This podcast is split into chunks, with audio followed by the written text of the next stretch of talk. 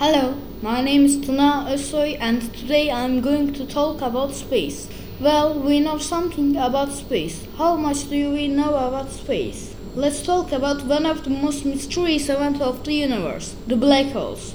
A black hole region of space-time where gravity is so strong that nothing escapes from it. Nothing, even light. We already talked about black holes. But what about the biggest black hole?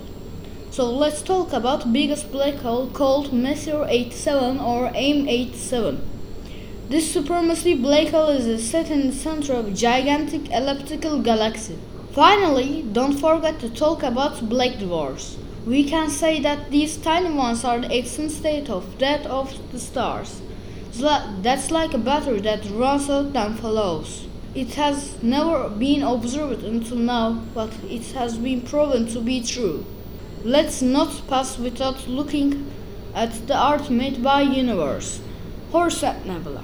Horsehead Nebula is a black nebula, but you can see shine parts here. Tarantula Nebula. It's an amazing nebula like Tarantula in the Earth.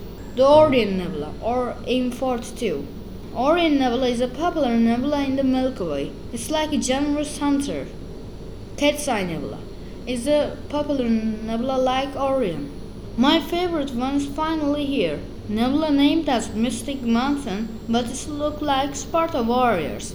It looks al- always amazing while it's mountain or not. Thank you for listening to me and hope you have a space blast.